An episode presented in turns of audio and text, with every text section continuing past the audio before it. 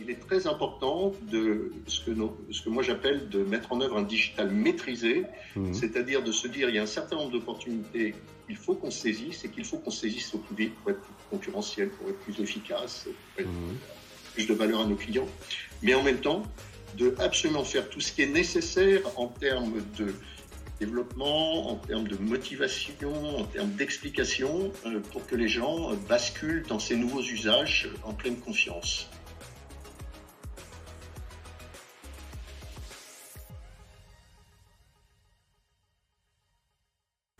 Bonjour et bienvenue dans notre quatrième épisode de notre première saison Made in Networking.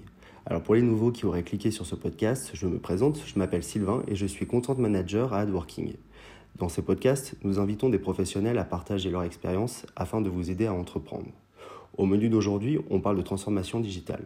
Encore, me diriez-vous? Il se peut que certains d'entre vous aient une petite indigestion. On l'entend en effet de partout et on le présente généralement comme un moyen de répondre à tous les mots. Par exemple, la transformation digitale permet d'optimiser vos performances professionnelles. La transformation digitale vous fait gagner du temps sur des tâches à faible valeur ajoutée. La transformation digitale contribue à la croissance de votre entreprise. Et la croissance digitale vous permet même de ne pas avoir le coronavirus. Enfin, malheureusement, pour le dernier avantage évoqué, ce n'est pas encore le cas. Mais bref, comme vous l'aurez compris, la transformation digitale est donc présentée comme le chevalier blanc des temps modernes. Alors pourquoi y a-t-il encore des réticences de la part de certaines entreprises à opérer le virage du numérique? Ce mot peut en effet faire peur à de nombreux collaborateurs car il implique des changements de pratiques et nécessite des compétences parfois inexistantes au sein de l'entreprise. Donc pour dépasser ces freins, Eric Pradier, cofondateur de Digispin et spécialiste de la transformation digitale, partage avec nous dans ce podcast la bonne méthode pour bien digitaliser votre entreprise afin que vous puissiez faire face à tous vos défis professionnels. Alors avant de rentrer dans le vif du sujet, Digispin c'est quoi? Il se compose d'experts en digital tels qu'Eric et ses collaborateurs ces derniers accompagnent les PME et les ETI dans leur transformation digitale avec trois convictions. La première, la transformation digitale est une opportunité exceptionnelle pour lancer de nouveaux business models à forte croissance. Deuxième conviction, l'ère du digital doit viser à la mise en place d'un digital maîtrisé, combinant la saisie de toutes ces opportunités et l'atténuation des risques et des craintes qu'ils génèrent. Dernière conviction, promouvoir une culture de co-création collective avec toutes les parties prenantes de l'entreprise sous forme d'étapes progressives. Eric, bonjour, merci d'avoir accepté notre invitation. Bonjour Sylvain. Alors, comme évoqué précédemment, nous entendons beaucoup euh, parler euh, de la transformation digitale, mais ce mot n'est pas toujours clairement identifié euh, auprès de nos auditeurs. Alors, pouvez-vous nous expliquer concrètement ce qu'est la transformation digitale selon vous? Oui, moi je pense que la transformation digitale, c'est d'abord l'irruption dans nos quotidiens, nos quotidiens d'individus, de possibilités de se connecter, de possibilités de dialoguer, de possibilités d'avoir accès à de très nombreuses données. Et donc, euh, au bout du compte, euh, un impact très significatif sur nos propres modes de fonctionnement, que ce soit quand nous hmm. travaillons, que ce soit quand nous consommons, que ce soit quand nous conduisons nos voitures, quand nous votons, etc. Effectivement, euh, ça regroupe un certain nombre d'éléments, mais ce mot parfois peut potentiellement faire peur euh, aux décideurs, car elle peut impliquer certains changements au sein de leur entreprise, euh, tels que l'usage de nouveaux outils, et peut entraîner aussi une résistance au changement de la part de certains bah, justement collaborateurs. Alors, comment surmonter ces craintes selon vous? Alors d'abord, je pense que vous soulevez un problème absolument fondamental, c'est-à-dire qu'il faut qu'on soit absolument conscient du fait que oui, c'est une, innovation, une innovation technologique formidable, mais en même temps, c'est une source de crainte, une source de risque, c'est une source de réticence. Mmh. Et en particulier, d'ailleurs, dans des sociétés comme la nôtre, comme la France, par exemple, où il y a une logique de précaution assez, assez importante. Donc, il est très important de balancer les deux. Il est très important de ce que, ce que moi j'appelle de mettre en œuvre un digital maîtrisé, mmh. c'est-à-dire de se dire il y a un certain nombre d'opportunités qu'il faut qu'on saisisse et qu'il faut qu'on saisisse au plus vite pour être plus concurrentiel, pour être plus efficace, pour être mmh plus de valeur à nos clients, mais en même temps, de absolument faire tout ce qui est nécessaire en termes de développement, en termes de motivation, en termes d'explication, euh, pour que les gens basculent dans ces nouveaux usages en pleine confiance. Effectivement, en plus, il existe plusieurs méthodes pour euh, essayer d'accompagner euh, les collaborateurs dans l'acceptation de, nouveaux outils, dans la pratique de nouveaux outils. Il, existe de nombreuses méthodes, notamment la méthode Agile, Scrum, le modèle Lewin. Bref, donc il existe de nombreuses méthodes de gestion de changement euh, liées à la gestion au changement, pardon, prenant en compte la taille de l'entreprise, les besoins, les freins connus au sein de l'entreprise. Mais comment s'y retrouver dans toutes ces méthodes? Je pense d'abord qu'il faut effectivement euh, que les méthodes soient bien à leur place, hein, c'est-à-dire au service d'une démarche qu'on veut entreprendre et qu'on veut entreprendre euh, au sein de son entreprise. Euh, vous, avez employé un mot, moi, qui est le plus important pour moi, c'est la notion de méthode agile. Mm-hmm. Parce que la transformation, depuis des années et des années, j'ai presque envie de dire décennies, est toujours un sujet compliqué parce qu'il est justement une opportunité et en même temps n'est réussi que s'il y a un engagement complet euh, de l'ensemble des parties prenantes, hein, de vos clients, de vos employés, de vos fournisseurs, etc. Et ça a été un sujet toujours très très difficile, qui est comment avoir les bonnes méthodes de transformation pour au bout du compte réussir dans, dans la plupart des cas. Et ce que nous apporte le digital, je pense, c'est quelque chose d'assez fondamental, c'est la possibilité de co-construire, c'est-à-dire de définir une démarche avec vos parties prenantes, et je réinsiste, hein, avec vos employés, avec vos clients, avec vos fournisseurs, et d'y aller progressivement, hein, avec des approches de, que j'aime appeler de try and learn, hein, pour utiliser un, un, anglicisme, où finalement on définit ensemble comment on va essayer de travailler différemment dans un cadre donné, ou d'interagir différemment, et puis on va essayer, et puis si ça marche, euh, on va accélérer, on va généraliser, si ça ne marche pas, on va aller euh, ailleurs, et donc avoir cette démarche d'agilité. Et, toutes les méthodes que vous soulignez, bien, entendu, formalisent tout ça, organisent tout ça, mais je pense que le point le plus fondamental, c'est d'arriver à instituer cet esprit d'agilité qui va permettre cette co-création progressive avec les parties prenantes de l'entreprise au sens large du terme. Effectivement, euh, je vous rejoins sur le fait que la méthode euh, agile et notamment euh, tester puis ensuite voir si cela fonctionne est une méthode qui permet de faire adhérer un certain nombre de collaborateurs, mais il y a aussi un autre frein peut-être qu'on peut retrouver dans les entreprises qui aurait du mal à, à opérer le virage numérique, c'est le fait de manquer des compétences en interne pour se digitaliser. Quels conseils leur donneriez-vous? Oui, non, c'est un, point fondamental et vous soulignez au début que notre projet DigiSpin hein, avait vocation vraiment à, l'accompagnement des, PME, des ETI, hein, parce que nous pensons que c'est une partie du tissu économique qui doit euh, évoluer d'un point de vue digital, qui doit accélérer d'un point de vue digital et de façon plus importante, qui doit maîtriser cette évolution. Hein, parce que euh, très souvent, c'est leur écosystème qui évolue, c'est euh, les contraintes venues d'un très gros client, d'un très gros donneur d'ordre qui vont imposer une certaine digitalisation. Et hmm. nous sommes là pour les accompagner et pour en particulier les aider à, maîtriser et à garder la maîtrise de leur, de leur destin, j'ai envie de hmm. dire. Et donc, pour revenir à, votre point, hein, ce qui, bien entendu, est, plus difficile dans une entreprise plus petite, si je puis dire, c'est deux choses. Hein. C'est les compétences en interne, parce qu'on parle de sujets quand même nouveaux. Et puis c'est très souvent aussi ce qu'on appelle la bande passante de, management, c'est-à-dire l'aptitude finalement du management à dégager du temps euh, pour se consacrer à des projets de transformation, etc. Et moi, je pense que fondamentalement, et c'est tout le sens de notre projet de DigiSpin, il faut que ces entreprises réalisent qu'elles doivent être accompagnées, accompagnées aussi bien en renforcement de, ce que j'appelle une fois de plus de bande passante de management sur des aspects qu'ils connaissent peut-être un petit peu moins en termes d'expérience de management, et puis de renforcement en termes d'expertise un petit peu pointue, parce que dans les sujets dont on parle, il faut une expertise et une expérience un petit peu pointue. Donc il faut absolument se faire accompagner. Et ensuite, je pense dès le début, c'est-à-dire euh, il, y a un moment fondamental euh, qui est le moment euh, d'état des lieux.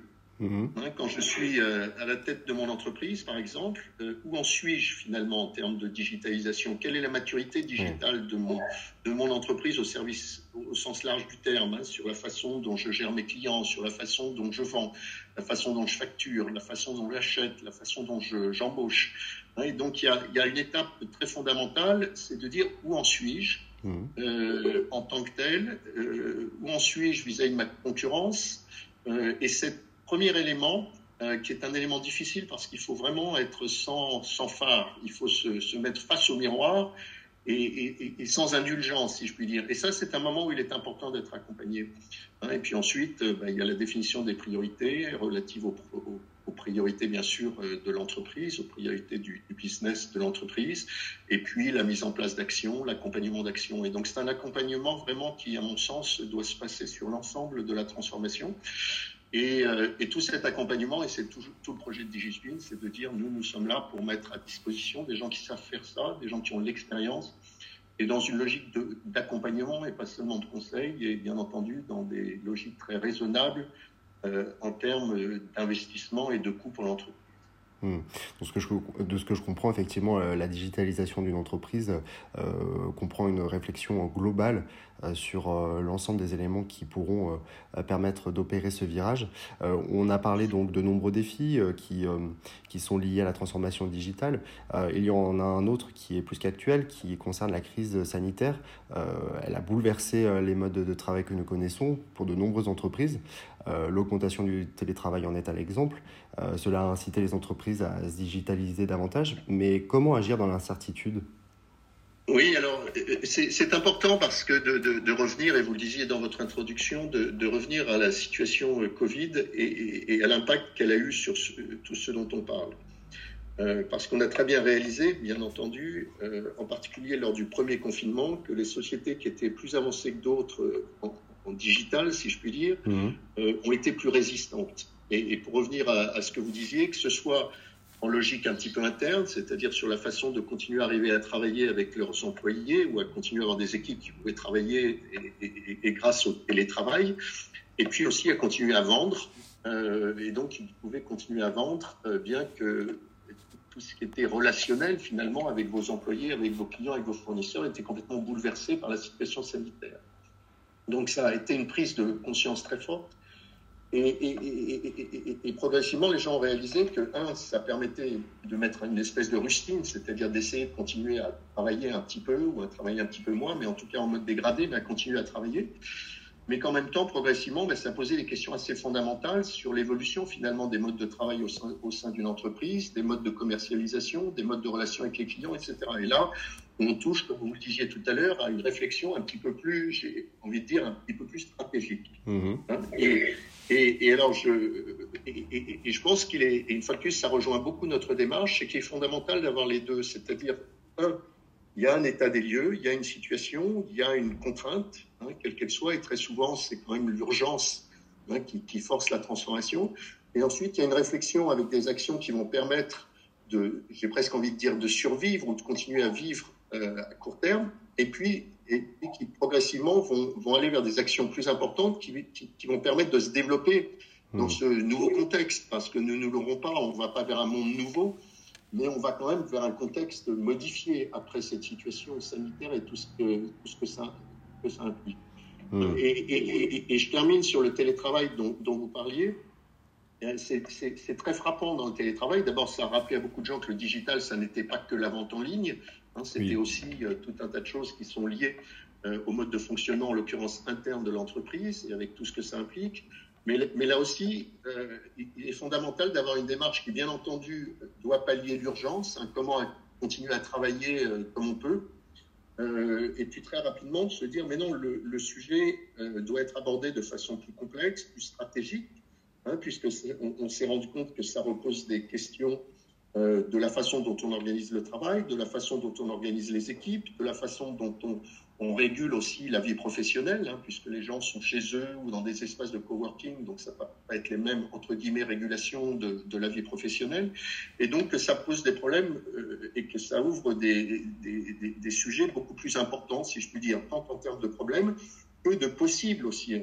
Il y a beaucoup de gens qui, qui ont réalisé que finalement, il y avait tout un tas de choses était facile, euh, beaucoup plus facile à faire euh, en télétravail. Inversement, on réalisait qu'il était fondamental d'avoir des moments en présentiel où les équipes se retrouvaient. Hein, et, on va certainement vers un modèle un petit peu hybride. Il y a des choses que je fais peut-être à domicile, dans un environnement ou dans un espace de coworking, et puis des choses que j'ai besoin de faire au mmh. sein d'une équipe euh, en présentiel. Hein. Moi, je crois toujours beaucoup à l'émergence de solutions hybrides où il y a un petit peu les avantages des deux solutions.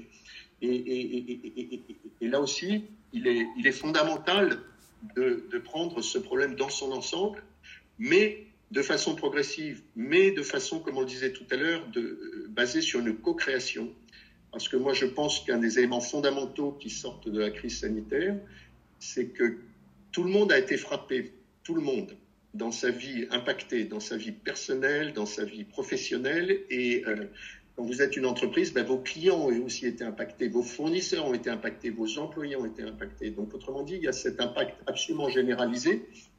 Et euh, je pense que ça a pour effet immédiat que les parties prenantes, j'ai presque envie de dire, sont en situation de revendiquer, et ont raison de revendiquer, le fait de faire partie, d'être associé, d'être co-décideur dans, les, modes de fonctionnement d'après.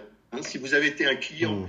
Qui n'a pas pu acheter, vous vous reposez des questions sur la, fidélité euh, que vous avez continué à développer vis-à-vis de, tel ou tel de vos fournisseurs habituels.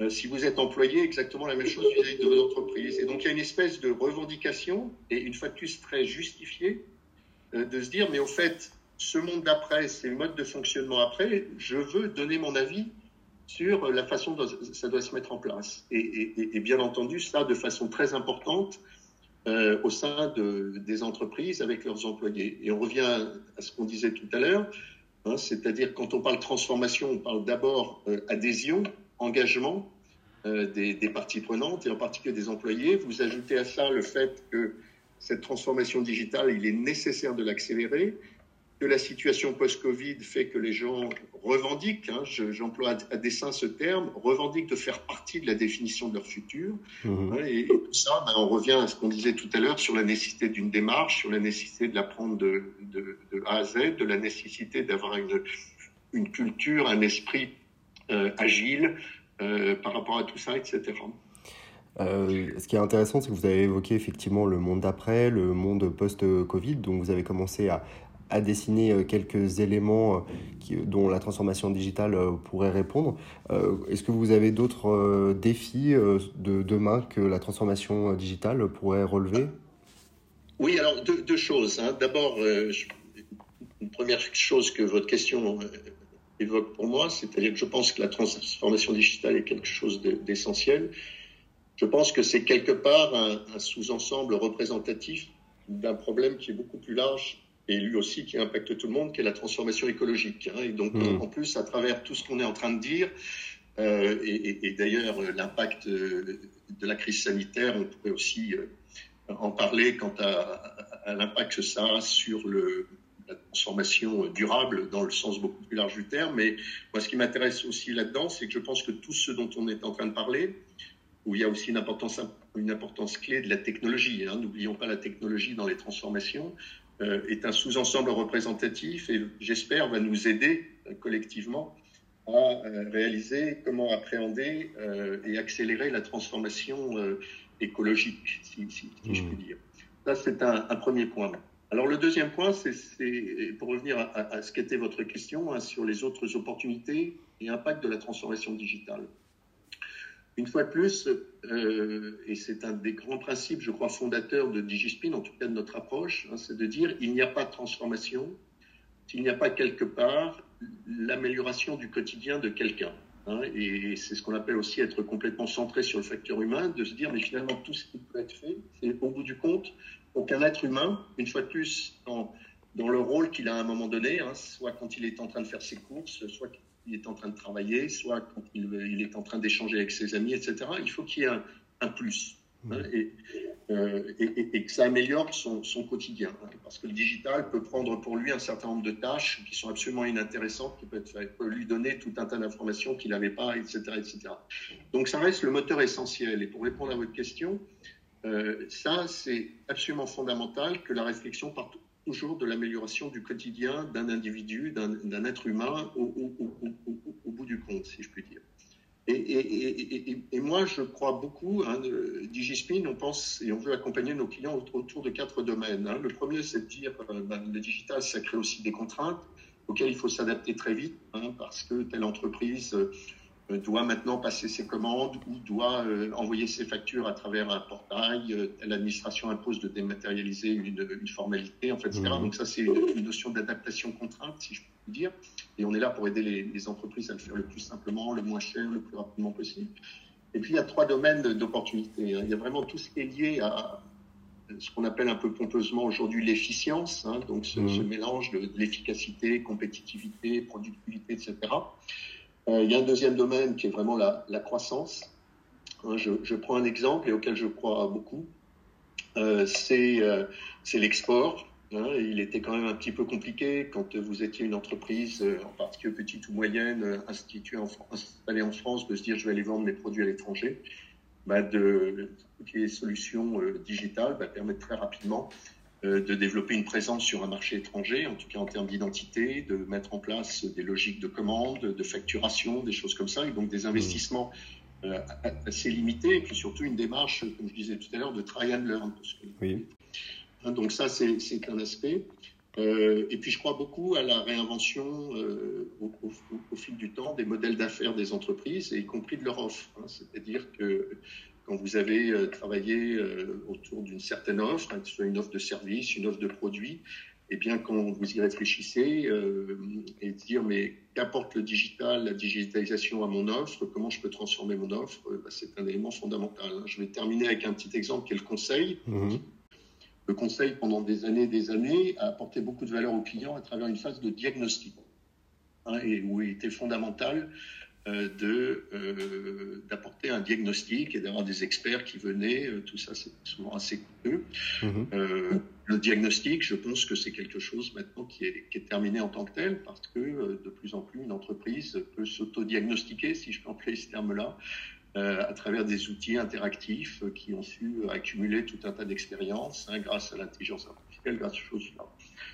Un, deuxième sujet, hein, c'est que euh, le conseil, souvent, il y a une partie assistance au management, échange, etc., et qui se traduisait par le fait qu'il fallait organiser des séminaires, qu'il fallait organiser des, choses un petit peu lourdes, choses comme ça, eh bien, on, assiste de plus en plus à la possibilité de faire du conseil de très haut niveau, à très haute expérience, mais qui se traduisent par une heure euh, d'intervention dans une réunion euh, en Zoom, euh, qui se traduisent par une prestation de conseil à un moment où un comité de direction doit prendre une décision, et puis il y a un qui est là et qui participe à la réunion, là aussi en Zoom. Donc c'est avec une agilité extraordinaire et avec des coûts, au bout du compte, qui sont très, très, très, très raisonnables. Hein, je pourrais aussi hmm. développer beaucoup sur la médecine. Hein, et on l'a vu aussi avec le Covid. Le digital, je pense, est en train de transformer complètement euh, la relation entre euh, le patient et euh, le corps médical dans le sens large du terme, depuis le généraliste jusqu'au spécialiste, etc. Hmm. Et, mais une fois de plus, hein, tout ça ne marche, à mon sens, et tout ça n'avance que si ça améliore la situation du, euh, en l'occurrence du patient. Si le patient n'y a hmm. aucun intérêt et que c'est seulement euh, la sécurité sociale qui a de l'intérêt parce que ça sera moins cher, ça ne marchera pas. Hmm. De ce que je retiens, le digital doit être au service de l'humain et nous ne sommes qu'au début euh, de l'évolution de cette transformation digitale. En tout cas, merci Eric d'avoir répondu à, mes questions. Nous arrivons déjà à la fin de ce podcast et merci aussi à ceux qui nous ont écoutés et il ne reste plus qu'à vous dire à bientôt pour un prochain épisode Made in Working.